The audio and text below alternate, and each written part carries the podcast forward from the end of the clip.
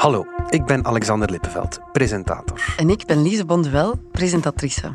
En als je dit hoort, dan heb je DS Audio ontdekt. Of herontdekt na twee maanden vakantie. DS Audio, dat is journalistiek om naar te luisteren.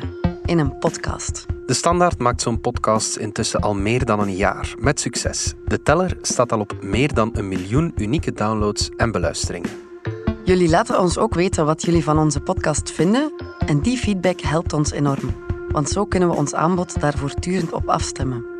Dit voorjaar hebben we op die manier een dagelijkse podcast gelanceerd en dit najaar zetten we de volgende stap. De vaste formats, zoals Bits en Atomen en De Machtwacht, laten we los.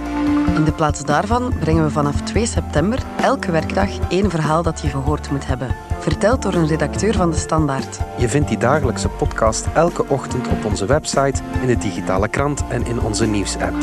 En je kunt je er ook op abonneren via je favoriete podcastspeler. En als je luistert en je wil iets kwijt, laat het ons dan weten.